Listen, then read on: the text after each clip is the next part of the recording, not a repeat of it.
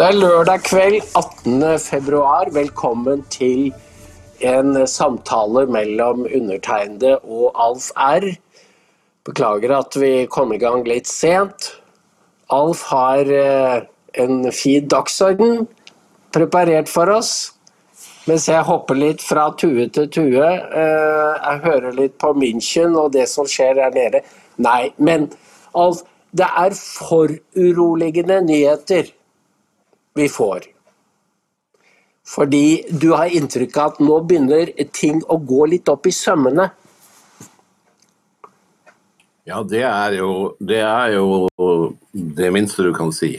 Jeg, jeg håper alle som leste forsvarssjef Christoffersens uh, utsagn her om dagen om uh, Etter at vi har blitt pumpet full av propaganda snart om hvordan Ukraina kommer til å vinne denne krigen og drive russerne på flukt, så sier han nå plutselig, etter ett år, at uh, Ukraina kan ikke vinne. Han legger jo til at Russland heller ikke kan vinne. Men det er altså det diametralt motsatte av hva politikere, journalister og andre har fyrt i oss uh, best mot, og som de har bygd opp en global politikk på. Og hvis det korthuset, dette, dette uhyggelige Eh, korthus som har kosta hundretusener av liv, eh, viser seg å falle sammen. Og, eh, og, det blir et nytt nederlag, som flukten fra Kabul, som mye annet dette amerikanske regimet har gjort. Så er det vi i Europa som får litt av en ryddig jobb. Og det gjelder jo ikke minst oss i Norge, som så enfoldig og så totalt uten å tenke oss om. Da snakker jeg jo ikke om oss sans, vi, men jeg snakker om regjeringen har stilt seg eh, til disposisjon for det som mange kaller for krigspartiet. Som jo er eh, elementer både i, spesielt i USA, men også i Storbritannia og andre land. Og som, eh, som, har et mål for denne krigen som er umulig for oss andre å forstå og gripe fatt i. Man kunne forstå målet med andre strategien med andre konflikter, men dette er noe som ikke lar seg gripe. Vi får håpe, vi får håpe at uh, det Kristoffersen sier, han er jo hva man enn måtte mene om hans uh, ellers, så er han jo en, en klok og, og uh, meget uh, tapper mann med lang erfaring. Så han vet iallfall hva han snakker om militært. I dag morges så siterte Dagsnytt Mitch McConnell som er i München og går inn for at Ukraina skal få jagerfly. Hadde I det gamle NRK så ville en fyr som eh, Mitch McConnell være symbolet på alt de var imot i USA. Men nå trykker de ham til sitt bryst. Og det er den store forandringen, at de er blitt del av krigspartiet. Ja, du, du, sier det. Det er som det er Finnmark og Fia, det vet du på NRK. Jeg, jeg, jeg, har, jeg, har, vondt for å se at de har en ledelse som tenker rasjonelt, og som har, først og fremst har et klart journalistisk mål for det de holder på med. Eh, NRK er jo ikke annet enn en avis som kommer ut i, i et elektronisk medium. Og, og, da skal ikke de drive med det de holder på med, med, med politikk og med, med, holdningskamp. De skal drive på med journalistikk så saklig og sannhetssøkende som mulig. Og da er de nødt til å innta en annen holdning. Du vet, Det var mye av det i min tid òg, men da var det jo Det kongelige norske Arbeiderpartiet som, som, styrte. Og, og jeg husker I min tid så var det jo han stakkars Berntsen som var sjef for Dagsrevyen. og han, eh, Jeg vet ikke om han gjorde noe særlig ingen til, til slekta. Men, eh, eh, men eh, det, det, er, det, eneste det jeg syns er synd, det er synd for folk som henter informasjonen sin fra disse store mediene og betaler en formue for det, og som ikke får det de burde få. Nemlig kvalifisert uh, journalistikk på et nivå som, som, hadde vært beløpet vi snakker om her, verdig. Um, jeg, eh, jeg, jeg tror selvfølgelig at eh, når en forsvarssjef i Nato går ut og snakker generalsekretæren eh, tvert imot, så er det det man kaller en prøveballong. Nå er de begynt, de største krigssisterne, Ikke Kristoffersen, men de har begynt å få dårlige nerver. De har begynt å se at dette kanskje ikke går slik som de trodde det skulle gå. Eh, og Her tar ikke jeg stilling for den ene eller andre part, jeg bare sier hvordan, hvordan jeg oppfatter dette. Det, de gjør det som i politikken kalles for å sende opp uh, prøveballonger for å finne ut hva reaksjonen blant vanlige folk blir, for de er livredde. De er nå livredde for å bli innhentet av sin egen dårskap og bli stilt til ansvar for det de har gjort. Og stimulert og hissa opp til en krig som har medført enorm skade på Europa, på Ukraina og kostet hundretusener av døde, kvinner og barn. Dette unnskylder selvfølgelig ikke Putin og Russland, men, men, men, men det er her i Vesten at det store oppgjøret kommer. Denne krigen og det grønne skiftet har nesten drevet Europa på randen til sammenbrudd. Og vi i Norge har jo, som har klatra så langt ut på den ytterste greinen, på det høyeste treet, er det veldig mange som står i fare for å ramle ned av pidestallene og se seg om etter å finne noe nytt å gjøre. Jeg tror at en rekke politiske karrierer kommer til å ta slutt med dette. Takk og lov, vil jeg si. Mm. Men vi vet ikke hvordan det vil ta slutt. Ehm, for her er alle muligheter åpne.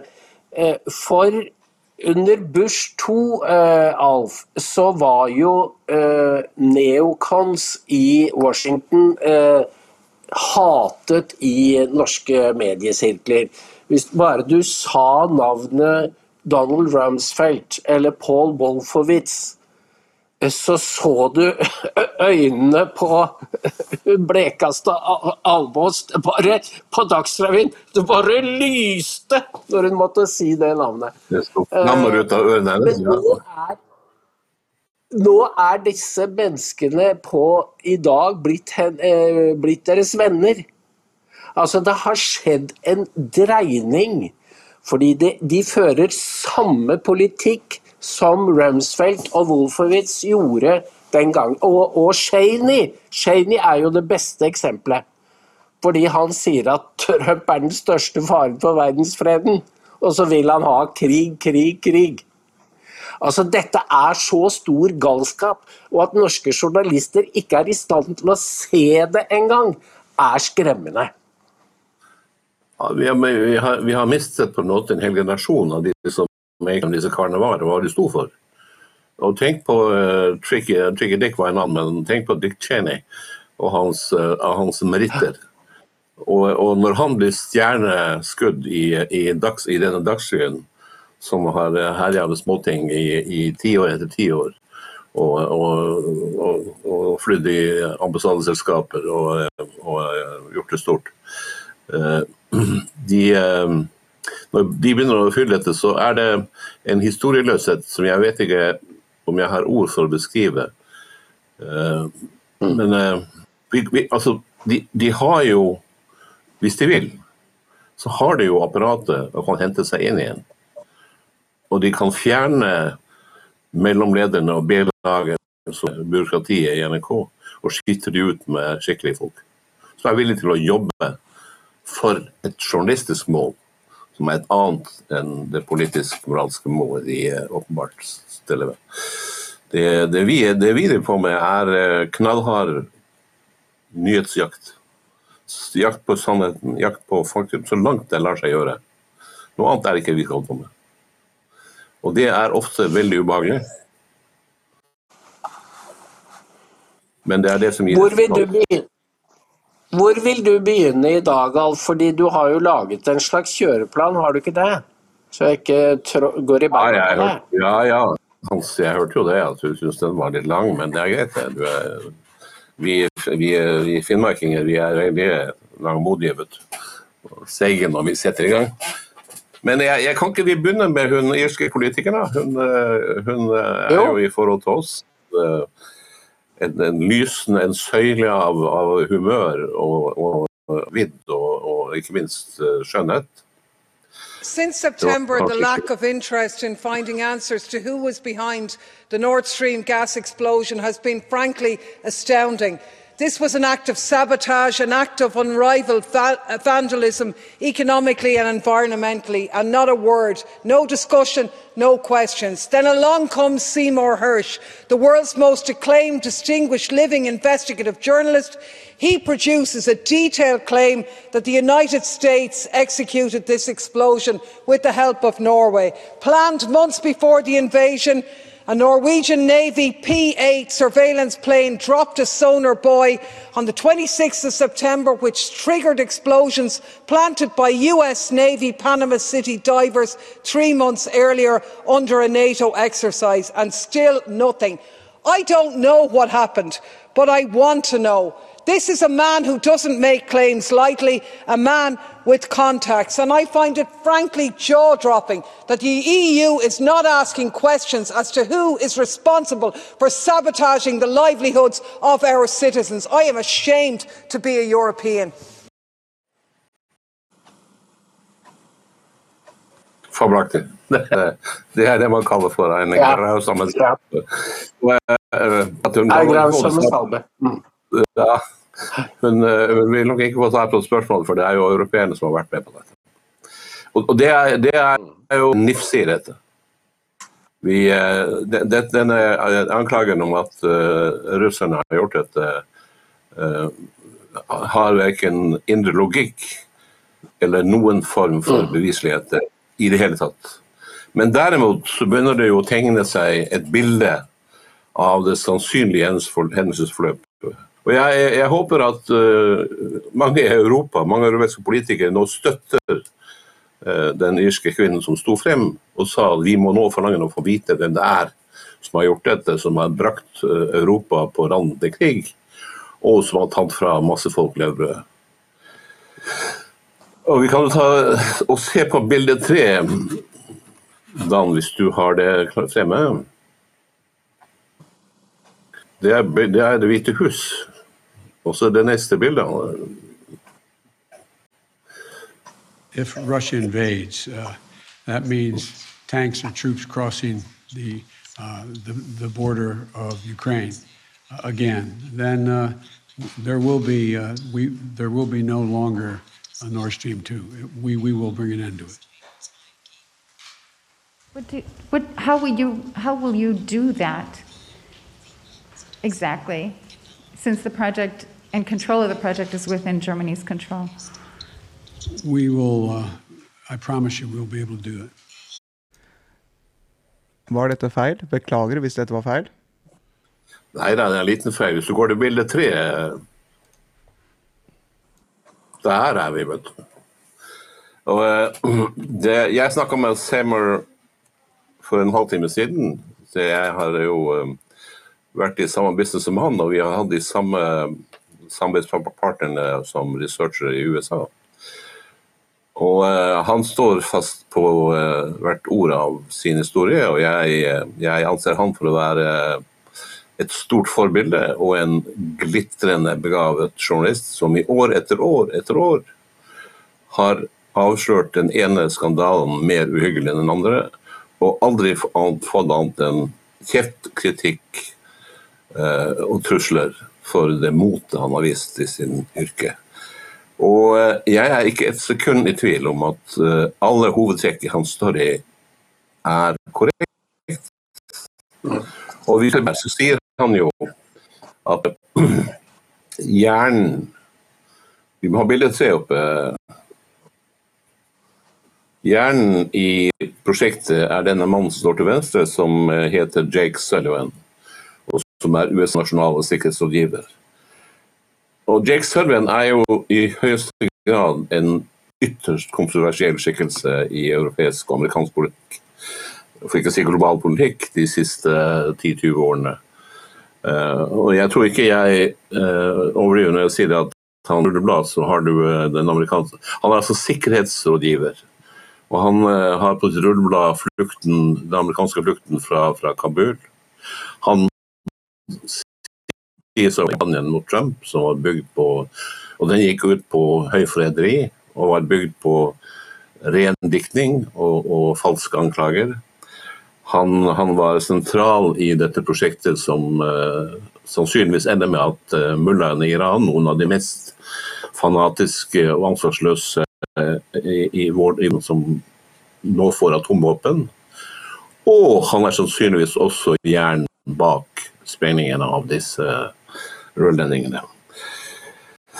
Så hvis han er sikkerhetsriver i USA, og selvfølgelig da også for oss, så må vi si at han, han av, må jo ha en av de verste track recordene i, i, i historien overhodet. Og her er han jo da sammen med de som, som holder president Biden oppe. Det er Barack Obama og Hillary Clinton. Og den kretsen som de omgir seg med. Og Selvs syn på dette er at uh, de tok initiativet, bygd selvfølgelig på en lang forhistorie, i desember 2021. Her er det viktig at ikke vi ikke henger oss opp i datoen 26.9, fordi dette begynte lenge før. Uh, 2021. Og da iverksatte planleggingen av en operasjon som i tilfelle Biden gikk med på det, skulle blå de to rørledningene til himmels. Vi kan gå til eh, bilde fire. Og det er klart at det var uh, de sentrale ekspertene i CIA og det som heter NSA, eller National Security Agency, som driver med elektronisk spionasje i USA, samt en hel rekke andre fra den uh, Bidens administrasjon, som satt i denne spesialkomiteen som la planene om hvordan man kunne eh, bryte den russiske rørledningen fra, med gass fra Russland til Tyskland. Og eh, sånn som bevisene nå står, så hvis du eh, går til bilde seks så ser det ut som denne komiteen ganske tidlig Eh, ville bestemt seg for å bruke den uh, tradisjonelle øvelsen som i, ble, i, fjor ble arrangert for 51. gang, og som heter Baltops uh, 22, blir jo da årstallet. Og våre 40-50 skip fra de baltiske landene, tusenvis av soldater og sjøfolk og masse fly deltar. Det skulle være kamuflasje, en dekkoperasjon som skulle dekke over og Det forklarer hvorfor deler av denne øvelsen ble lagt rundt øya Bornholm. Flaggskipet i øvelsen er denne mammuten du ser helt forrest der, som er en hybrid mellom et hangarskip og, og en, en, et langgangsfartøy som, som, er hul, omtrent som et roroskip innvendig. Vi kan se på et par bilder til av Keir Sage. Her ser du innvendig at uh, det er som på, på danskebåten. Men den har også et annet triks, hvis du ser til neste bilde. Den kan fylle dette hulrommet med vann, slik at fartøy, skipfartøyer skip, fartøyer og også amfibiekjøretøyer som dette kan kjøre direkte ut og inn før de landsettes. Det er altså et meget versatilt fartøy som kan brukes til uh, å løse nær sagt hvilket som helst oppdrag. Og Det var flaggskipet i den, eh, i den armadaen som eh, stakk til sjøs fra eh, basen i Jacksonville i North Carolina i, i begynnelsen av mars 2022. For oss er det jo selvfølgelig fullstendig umulig å si at generalene og admiralene og oberstene om bord i disse fartøyene at de visste noe om, eh, om, eh, hva formålet med denne øvelsen egentlig var. Men i høyeste grad for å kunne si at planleggerne i Det hvite hus og i CIA visste det. For de sendte samme måned en delegasjon til Oslo. Uh, hvis vi viser bildet ni, så ser vi her uh, den militære E-tjenestens hovedkvarter som ligger på Lutvann i Oslo. Og vi vet jo ikke helt hvem som deltok i møtene, fordi CIA og E-staben har jo, eh, om ikke daglige, så har de hatt møter veldig ofte regelmessig. I krisetider har de ofte møter hver eneste dag. Så møtet kan ha funnet sted enten på den amerikanske ambassaden, eh, den nye ambassaden i Oslo, eller den kunne ha funnet sted i, på CIAs kontor, som ligger i kjelleren under dette bygget. Og som brukes under, til, eh, til eh, planlegging av spesielt følsomme operasjoner.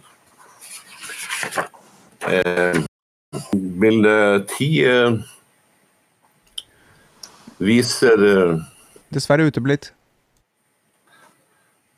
Ja. Bilde ti viser altså én person, jeg tror. Jeg har ikke spurt den, ja, jeg vet ikke om han ville snakke med meg overhodet, men er E-stabens nye sterke mann, som tidligere var ambassadør i Teheran, Lars Nordrum, som uh, i kraft av sin stilling som nestkommanderende og leder for de og, ESA, så tror jeg ikke for amerikanere eller noen andre at det vil være mulig å gå utenom han hvis de kom med et ønske om norsk medvirkning. Jeg sier ikke at de gjorde det, for det kan jeg ikke bevise.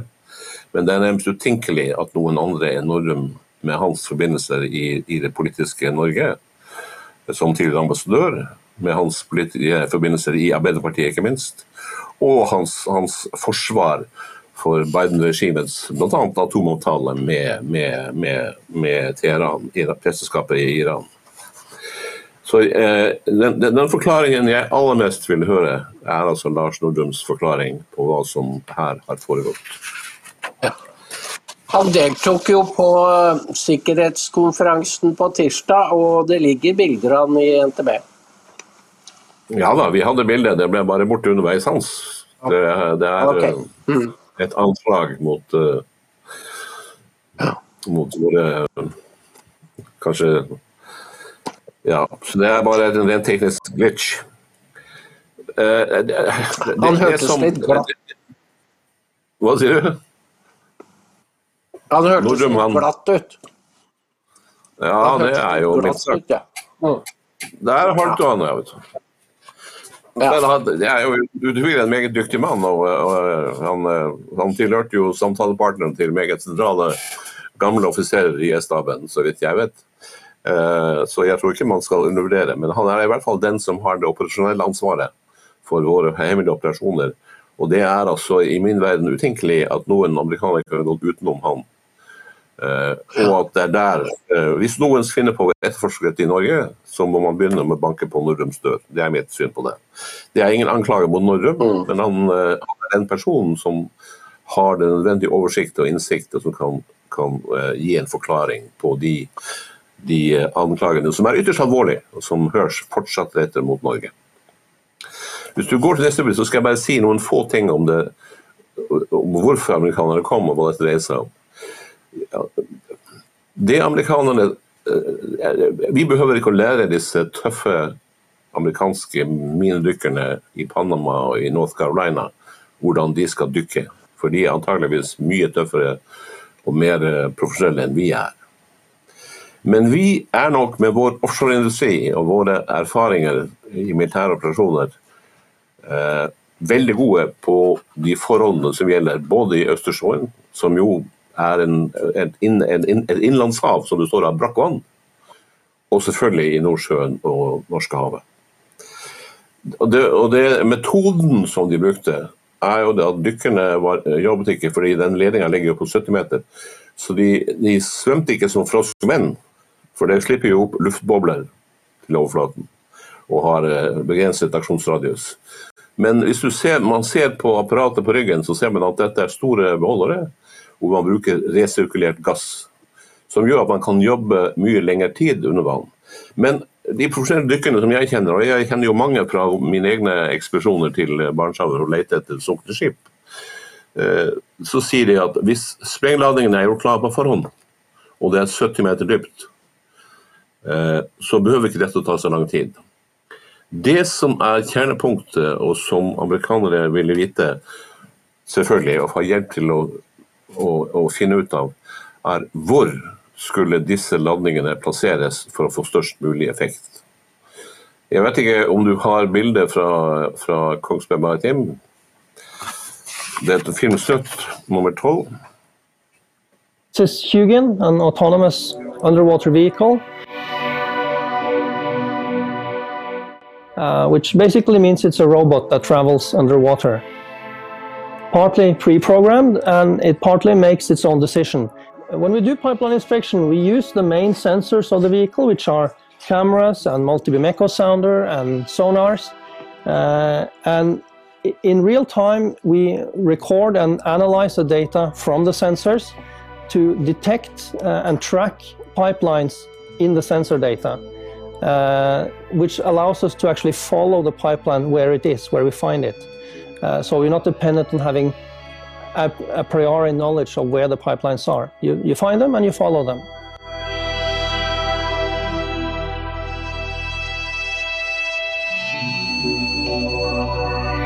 Um, today, this is mostly done with uh, ROVs, or remotely operated vehicles. They have a cable to the surface where an operator actually looks at a video camera or a sonar and detects uh, the pipe manually. Uh, first of all, then you need operators in the loop. Uh, secondly, those type of vehicles are much slower. They go around one knot. Uh, this can swim at four to six knots and do the same job. Uh, and because it swims very smoothly over the seafloor, we can also get much better data quality.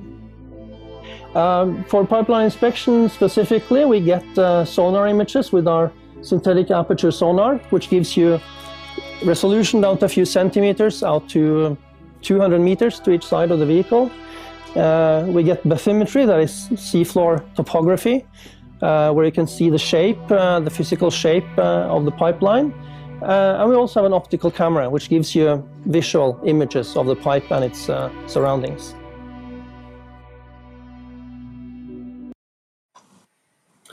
Så jeg syns denne filmen gir et ganske godt inntrykk av en fantastisk eh, norsk utviklet redskap som er gjort av Forsvarets forskningsinstitutt i Horten og Kongsberg Maritime i Kongsberg. Men det er altså en, en, en, en robot som går av seg sjøl, som er preprogrammert, og som, kan, som følger rørledning under vann og tar helt fantastisk skarpe bilder.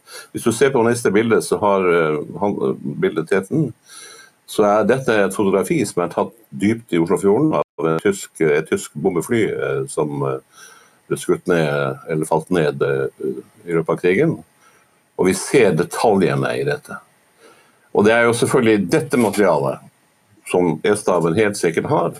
Og har det det ikke, så har de fått det fra konstruktøren, som jo eh, er et hollandsk firma vi kjenner veldig godt fra Mosjøen, som heter Allseas, som før het Herema. Og dykkerne var jo de eh, kjente selskapet Teknip, som har hatt masse norske ansatte. Så det, Dette er ikke noen store hemmeligheter. I, de måtte ha disse nærbildene av rørledningen for å vite hvor de skulle plassere ladningene. Hvor var det enkleste og raskeste å gjøre det? Og det var det de fikk hos oss. En ting til har vært at vi kan For å få logikken i dette her, så kan du vise kartet Vi har laget bilde 14, ja. Fordi denne flåtegruppen som startet i North Carolina, eh, og som skulle til Østersjøen på Baltops, gikk ikke direkte til Østersjøen, Den gikk først til Island. Hvor de hadde øvelser fra 4. april til eh, og en ukes tid forover. Um, og da kan du jo vise den filmsnutten som heter 17.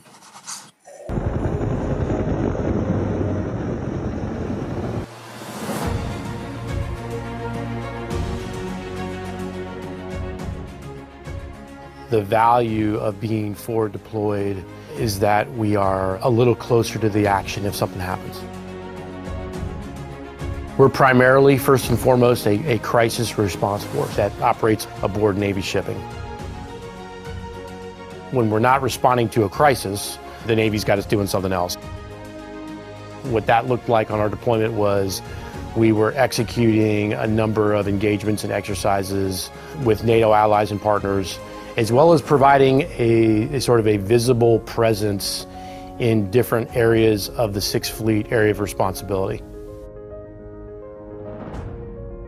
Being in the Baltics when Finland and Sweden declared their intention to join NATO was certainly significant. To me, that was one of the most visible symbols of assurance and U.S. commitment that I saw the entire deployment.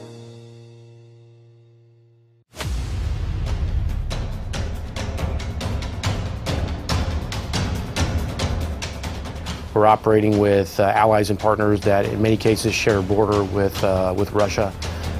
The closer the relationship that we can build with our allies and partners is again something that comes at the expense potentially of an adversary.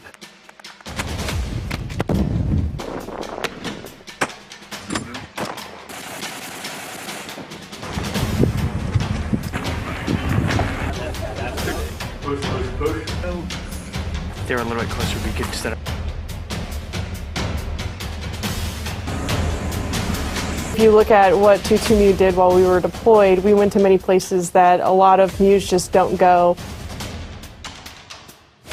So the ability to do so solidifies our capabilities, right, as a MU and as a Marine Corps, that we are able to go to all of these different places at the same time and make it clear that we can operate, we can fight, we can do what we need to do to accomplish the mission.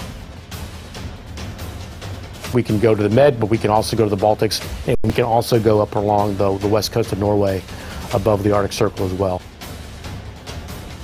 We showed up ready to sprint, and we didn't slow down until it was time to come home.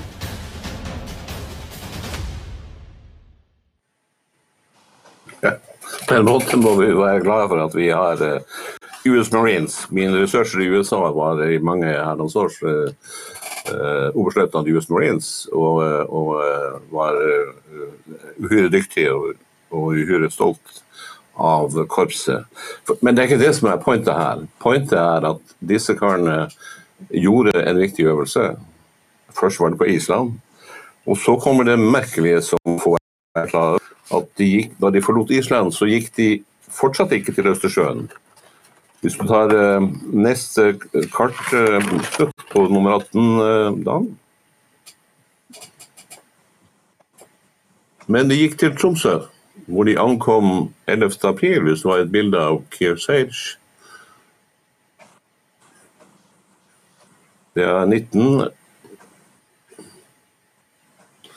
som er eh, NRKs oppslag om eh, skipets ankomst til Tromsø havn mandag 11. april. Bare ta bilde 20. Viser dere hvordan det ligger ved Grøtsund kai. Dette er jo den eh, kaia som erstatter den marinebasen som Jens Stoltenberg solgte til sine partivenner i Tromsø før han ble generalsekretær i Nato. Men det er en annen historie. Bilde 22 viser da eh, i Indre Troms. Og det de sier er at fordi den offisielle øvelsen Cold Response var jo i april avsluttet. Og dette foregår da fram til 16. 17. april, er at dette er en norsk-amerikansk øvelse. Det eiendommelige skjer jo at eh, fra ca. 20. april, fra de forlater Troms og ankommer Østersjøen 12. mai, så går det altså eh, mellom 14 dager og tre uker. Og vi vet ikke helt hva denne store flottstyrken gjorde. Den hadde også norske deltakere, fregatter tror jeg, kanskje ubåter, og minnesveipere. Og, men det de gjorde, som de sjøl sier, er at de forberedte seg og trente. Og det som er typisk i alle pressemeldinger som kommer helt fra de forlot USA i mars, og nå er altså den tredje måneden underveis, er at det de først og fremst konsentrerer seg om, det er to ting. Det er å demolere altså sprengstoff, å håndtere sprengstoff, både på land og under vann, og øve kjøring med ubemannede undervannsfarkoster. Og det er jo eksakt det som er målet med Jake Sullivans og Det demokratiske partiets ønske om å ødelegge Nord Stream 1 og 2. De må ha folk som er trent til å gjøre dette under vann. Og eh, La oss ta en liten merkverdighet mens vi nærmer oss slutten. Det er eh, det bildet fra Tallinn.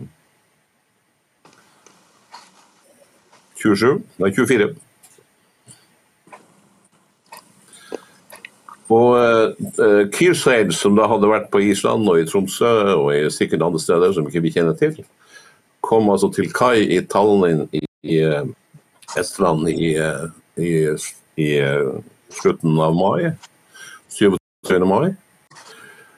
Uh, før den gikk til Stockholm. Og selve øvelsen Baltops 22 begynte først 3. juni.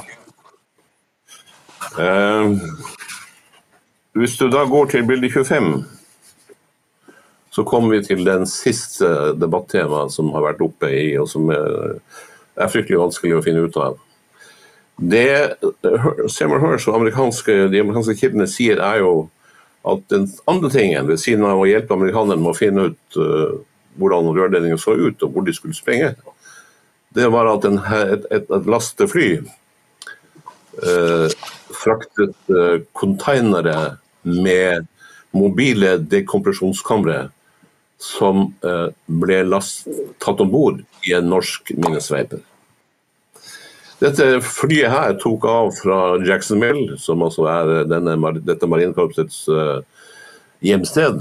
Fløy opp til Norfolk i Virginia, som er US Navys hovedkvarter. Tok en stopp på Newfoundland og fortsatte til Belfast i Nord-Irland. Hvor det er et kjent verft som heter Haaland et Wolf, som også har vært eid av Fredriksen-familien. Før det da etterpå fortsatte og landet i, i Litauen, som ligger uh, bare noen få timers kjøretur fra, eh, fra Tallinn, uh, der USS Kearsage ankom 27. mai. Og Her ser man ankomsten i neste bilde, 7. mai. Og, det, det man, og dette er jo det vi spekulerer over. Eh, hvis du snakker med dykkere, og når disse fridykkerne som puster altså en blanding av nitrogen, helium og oksygen, og som kan jobbe kanskje på 100 meter i to-tre timer uh, uten, uten, uten, å skade seg, så kan, har de to måter. De kan enten stoppe underveis, for dekompresjon er meget viktig. Men da må liksom støttefartøyet bli liggende der. Men de kan altså foreta en rask oppstigning og gå rett om bord i dekompresjonskammeret. Og så blir det pumpa ned til 12 meter, og da unngår de dykkersyken. Det er jo det vi tror skjedde. At de gjorde den operasjonen hurtig. Nordmennene hadde fortalt dem hvordan de skulle gjøre det, og hvor de skulle gjøre det. Plasserte tidsstillingen, tok en rask oppstigning, gikk i dykkerkammeret og ble kjørt ut av Østersjøen. Og dette skjer enten i månedsskiftet mars-mai-juni, eller når øvelsen er slutt 17.6. Så der, det, som, det, vi vet etterpå, er jo at på dette tidspunktet, da alt er klart til å gå i lufta, så er det jo at Joe Biden, ifølge kildene til Hirsch Og det er jo, Man må jo ikke tro at det er bare én mann han snakker med. Han snakker jo med alle de mange innenfor både politikk, diplomati og etterretning som genuint var motstandere av den operasjonen, for de mente at et større dumskap hadde de ikke hørt om. Det er selvfølgelig hans kilder. Så de som tror at Shai Hirst bare har én kilde, de vet for lite om hva undersøkende journalistikk er, og hvordan vi jobber. Hvor intenst og hvor omfattende sånne undersøkelser er, før man våger å publisere. Og Dette er altså ikke en liten historie, det er en verdenshistorie som har gått i alle aviser og alle kanaler over hele verden. Og som kan velte regjeringer. Og som for oss Vær klar over det. Hvis russerne er i dårlig humør, hvis, de, hvis dette utvikler seg videre, så kan det si at en krigshandling med Norges støtte, som dette, er et casus belli, altså en årsak til at din gjengjeldelse. Og vi er ytterst sårbare. For vi kan gjerne si at vi, bruker, ja, vi har masse penger. Og vi hadde 1100 milliarder i overskudd i fjor, men vi bruker dem ikke på Forsvaret. Vi har ikke mer enn 25 000 mann som er klart til å settes inn hvis noe skjer. Så her leker man med ilden i en grad som vi faktisk ikke har sett i nyere tid. Og, og eh, indre logikken i dette, dette indisiematerialet, som vi kaller det for, peker altså på at dette er en nøye planlagt operasjon som via Island og Norge i Østersjøen og blir utløst. Men som følge av Bidens manglende evne til å ta en beslutning, blir forsinka. Og dermed skjer denne for å kalle det for en cock-up, som gjør at de må rushe frem og tilbake og prøve å unngå at denne, disse sprengladningene eh, eh, går av på et eh, uønska tidspunkt og skader helt andre interesser enn det de er gjort for å gjøre. Og Det forklarer selvfølgelig også at av de fire ladningene som ligger ute, så er det bare tre som går av. Fordi Biden nølte for lenge med å si ja i forhold til den opprinnelige planen. Og da er jeg kommet til veis ende. Jeg kan bare si at jeg har gått gjennom et enormt materiale om det. Hvis du tar det siste bildet, bilde 31, så er det punktum. Gassen lekker ut i Østersjøen. Foreløpig punktum, vil jeg si. Hvis du orker mer, Hans. Jeg vil gjerne stille deg noen spørsmål. Eh, fordi Ja da. Han eh, Hvordan er det dette fungerer? Fordi Jake Sullivan har vi er, Han er typisk for en en type operatører i Washington som er helt uten moralsk kompass. Men i Norge, hvor vi ikke har den samme sikkerhetsstaten, så denne er det Lars Nordrum han heter. Hvis han får en forespørsel fra amerikanerne, så må han jo forstå at dette er en handling med så store konsekvenser at han kan da ikke sette i gang det uten å informere Støre og spørre om lov. Det er, et spørsmål som, det, er jo, det er jo farlig for oss å besvare det, men vi, vi må jo få lov til å diskutere hva, hva vi tror. Jeg tror at Lars Ja. Er så godt så inne i, dypt inne i Arbeiderpartiet og har vært så dypt involvert både som ambassadør i det nåværende Utenriksdepartementet. Han var jo ambassadør fram til 2020, tror jeg. Uh, og han er ikke mer enn eh, 47 år. Og det er klart at han er eh, han, eh, jeg, vet jo ikke hvilken krets han tilhører, om det er Støre eller Stoltenberg-kretsen. Eh, Men du vet at det er ulike kretser i Arbeiderpartiet hvor, hvor de hater hverandre på ulike måter. ikke sant? Sånn som Stoltenberg og, og, og Jagland osv. ikke sant? Så de slåss som fillene fyker, som ingen hører om. Så, så jeg må bare si at hvis han har, Det er klart at Jake Sullivan var jo, var jo duks, ikke sant? han var duks på Yale University. ikke sant? Men så har han jo kommet ut i politikken, og der har han vist seg komplett udugelig. Alt han har tatt i, har blitt en katastrofe. Ikke sant? Og du kan si mangel på moralsk kompass. Ja, det er én ting. Er, tror de at de er overmennesker? Og at de, ja, det er en annen ting. Tror de at det er deres jobb, eh, oppdrag fra en høyere makt, om at de skal frelse verden, enten gjennom det grønne skiftet eller gjennom å bruke amerikansk makt på en eller annen måte, så tror jeg også det er en del av det. Men eh, resultatet er jo blitt en disaster. Og alle hans kritikere mener jo at det hjelper ikke med intelligens eller med evne til å forstå boklig lærdom hvis du er så livsfjern som han er. Og eh, vi, vi har jo mange av de typene i Norge. Jeg bruker ikke nevne navn. Vi har ministre. Vi kan jo sikkert koste på oss ta ett. Vi har jo en, en miljøminister som, eh, som jo tar kaka, tror jeg. Eh? Og, og, vi har en rekke andre som jo aldri har hatt et valg, som er gått inn i politikken og er blitt sugd opp i dette, denne enorme følelsen av det er av å ha makt. Jeg kjente en gang en, en, eh, en admiral som var ferdig med sitt yrkesliv. Og så uh, fortalte de meg at han eh, jeg tror han flyttet rundt på ulike baser og i statseide leiligheter. Så plutselig en dag så sto han med alle pappeskene på, på fortauet. Og så ringte han desperat rundt og så spør han, men hvor er bilen min? Hvor er sjåføren min? Hvor kommer ikke sjåføren min snart? Ikke sant? Dette er folk som er vant til å bli tatt hånd om og kjørt i politikksonene hele livet. Og det gir altså en følelse av at de er unike. Men her har de sendt oss alle inn i noe vi ikke har sett i Europa siden andre verdenskrig. De har sett oss inn i en konflikt som kan lede oss ut i en verdenskrig. Og fordi vi har vært med og støttet amerikanerne i det vanvittige prosjektet å sprenge rørledningen, så har de punkt A sørga for å destabilisere økonomien i Europa. Og de har økt risken for at russerne skal plukke oss ut som kanskje det viktigste målet for deres aggresjon etter Ukraina. Amerikanerne sier det rett ut. Dette, dette har gjort at dere nå er det mål nummer to på Putins hatliste. Og den må, den må En måte å Jeg venter. Jeg, altså, denne roboten Hugin var jo fantastisk teknologi.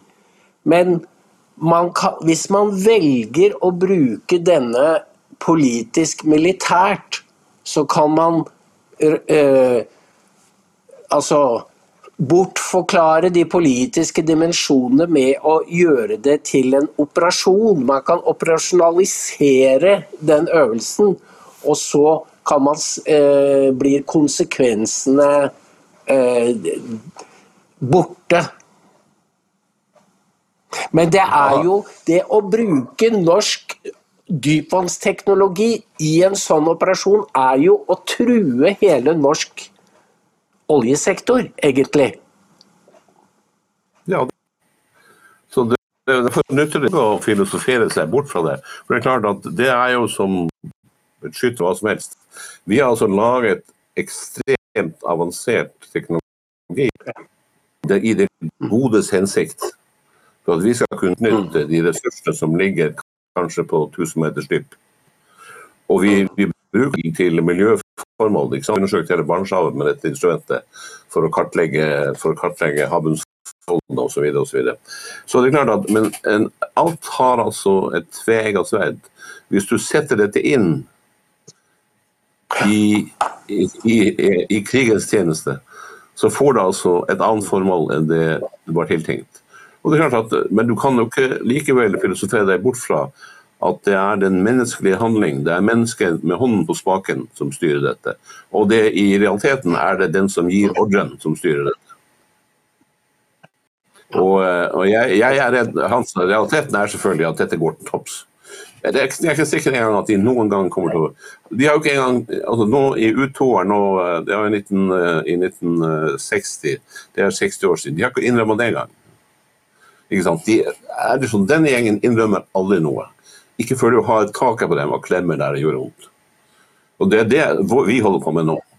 Vi driver på som det eneste organet i Norge og graver og graver og graver. det. Og før eller siden kommer vi fram til at det blir ugjendrivelig, og noen velger å snakke. Men vi er ikke der har-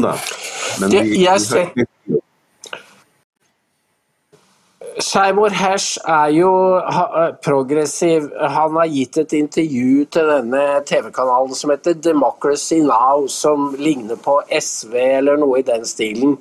Og, men han sier én veldig viktig ting, for han sier det å kutte den navlestrengen var et angrep på tyske interesser. Altså, Olaf Scholz er ikke Tyskland. Hva vil tyskerne og det folk i byråkratiet, i næringsliv, hva, hvordan vil de reagere når, de, når det synker inn at dette har deres egen statsminister sagt ja til? det, sier, det kommer til et forferdelig oppgjør.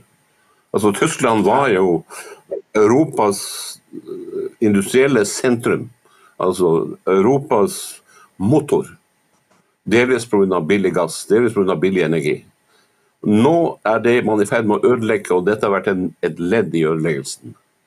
Og, det, og, og det, det kan man ikke bare til å merkes bare i Tyskland, men Tyskland har jo også holdt resten av Europa, ikke minst resten av EU i gang.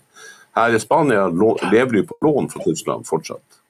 Hvis dette her går over styr, så vil jo alle i Europa betale prisen.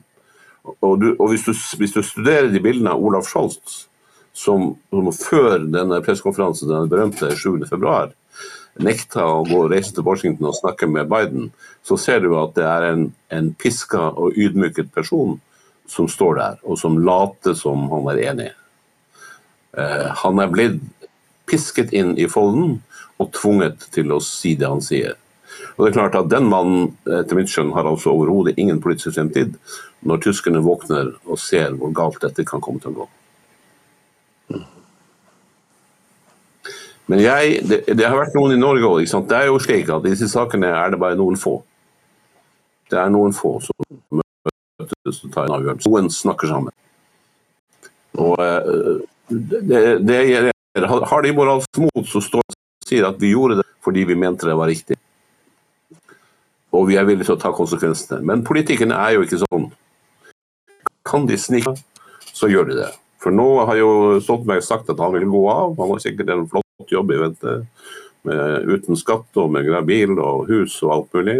Og Sånn er det jo en hel haug av i statsadministrasjonen som ønsker seg ut av landet for å jobbe gratis i disse organisasjonene som FN, som, som uh, Netanyahu kaller for løgnenes hus. Uh, Hans, vi uh, Det finnes mange historiske eksempler på hvordan det går når, når land som Norge, som var meget fattig til ut på 50-tallet Du vet, Amerikanske rederier de flagget sine skip til Norge fordi norske sjøfolk var så billige, til langt, nesten 1960. Ikke sant? De kalte streken skorsteinen på norske skip for surstrekene. Fordi våre hyrer var så lave. Alt snødde om i 1969. Og vi ble altså Nord-Europas oljesjeiker. Men det som skjer med folk som får denne plutselige rikdommen, det er ikke alltid av det gode. Vi glemmer det som ligger bak de verdiene, de skuldrene vi står på vår generasjon før oss, som ikke hadde noe. Og som løfta oss andre oppover. Og vi glemmer verdiene, som var de kristne verdiene, de liberale, demokratiske verdiene. Alt dette her er, er det nå ytterst få som bryr seg om å tenke på, for de er opptatt av hva som er på neste TikTok-sending, eller hva det måtte være. Så, eh, så um, Det er derfor denne saken er ekstremt Det USA som gikk til krig i Midtøsten i 20 år, det forandret seg. Det er ikke lenger det samme USA. Og den lærdommen de trakk av det i USA, var jo at dette har kostet oss 9000 milliarder dollar, og vi har ikke oppnådd våre mål, og vi har ofret eh, hvor mange var det? 5000 soldater og mange flere såkalt contract soldiers. Eh, nå er det nok med krig. Det var den Altså Før denne her mislykkede evakueringen, uh, flukten fra Kabul, så var det the bottom line. Trump sa vi skal hjem, soldatene skal hjem. Så det var en oppsummering av en meget bitter og dyr erfaring. Og så går det, forsyner meg, et år, og så er de i gang igjen. Og det er en type recklessness som amerikansk ungdom, arbeiderklasse, de er ikke med på dette her. De vil ikke ut i en ny krig. Og når jeg ser de der sexy bildene av soldater som stormer fremover hele kloden, så er dette et USA som vi ikke skal være spydspiss for. For det er ikke vårt USA. Og de som styrer det, altså Mark Milley, forsvarssjefen, Lloyd Austin, er totalt ubrukelige, korrupte politikere. På samme måten som presidenten og Jake Sullivan og hele kostebinderiet. Og Obama som fikk fredsprisen. Altså, dette er en råtten politisk klasse som har ødelagt USA. Men det står ikke noe i norske medier. Jeg er redd for at det var en glitrende analyse hans, uh, fremsagt med lidenskap. Og jeg har ingen problemer med å være enig med deg i det. Uh, jeg kan, jeg, uh, du vet at jeg har brukt masse tid på å tenke over hvorfor det ikke står i norske aviser. Og jeg har fortsatt ikke, ikke noe godt svar å gi deg, annet enn at de er forblindet av, av eh, øyeblikkets rikdom og ikke ser rekkevidden og ikke tenker gjennom det som du har tenkt gjennom her. Og, eh, og det er jo, jeg er enig det er jo eh, denne, å trekke parallellen fra disse 20 årene de, hvor, som de kastet bort for så vidt i Midtøsten, som nå er en ruinhaug, ikke sant? Så hvor islamistene vokser i uhyggelig tempo og at de starter på nytt igjen i midt, midt i Sentral-Europa, er jo eh, fryktinngytende å tenke på. Man vet hva konsekvensene kan bli. Så, eh, så, eh, så du, du, har rett i det, Hans. Vi, jeg håper at alle Og Norge har jo masse voksne, fornuftige mennesker. Vanlige arbeidsfolk som, som tenker og handler fornuftig. Så jeg håper, de, jeg håper de reiser seg og sier at nå er det nok. Ikke la fantasien og løgnene styre dette her, men rasjonelle, forståelige argumenter som vi kan ta stilling til. Det er enda ingen som har kunnet forklare meg strategien, altså hva er sluttmålet med krigen i Ukraina? Hva er sluttmålet med det grønne skiftet? Er det bare å gjøre oss alle fattige og til, til, til nye, nye uh, Hva heter det husmenn? Og, og, og maktløse og med en gruppe på toppen som styrer all informasjon, og som styrer uh, den politiske utviklingen. Uh, de må jo ha en forakt. De må jo drives av en forakt folket fordi de tilfeldigvis har noen penger som er helt usannsynlig. Men det er også en farlig frakt hans, fordi den kommer til slutt og møter dem ved døra.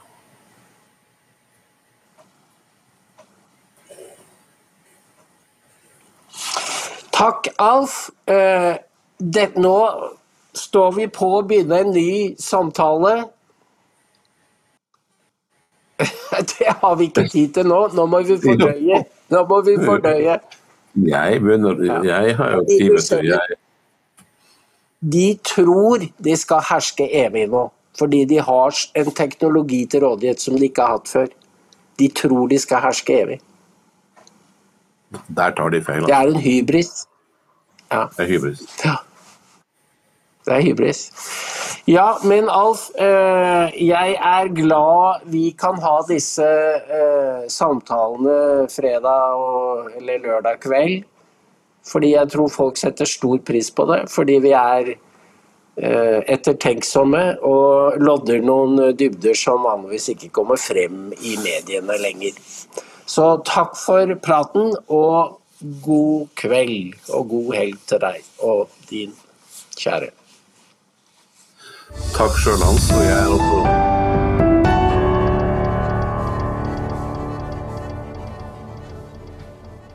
Neimen, hei! Har du også antistatlige holdninger? Ja, da har du kommet til rett sted. Da er Dokk-TV noe for deg. Men for at vi skal kunne lage Dokk-TV, så er vi avhengig av din støtte. Vips et bidrag til 63 89 41.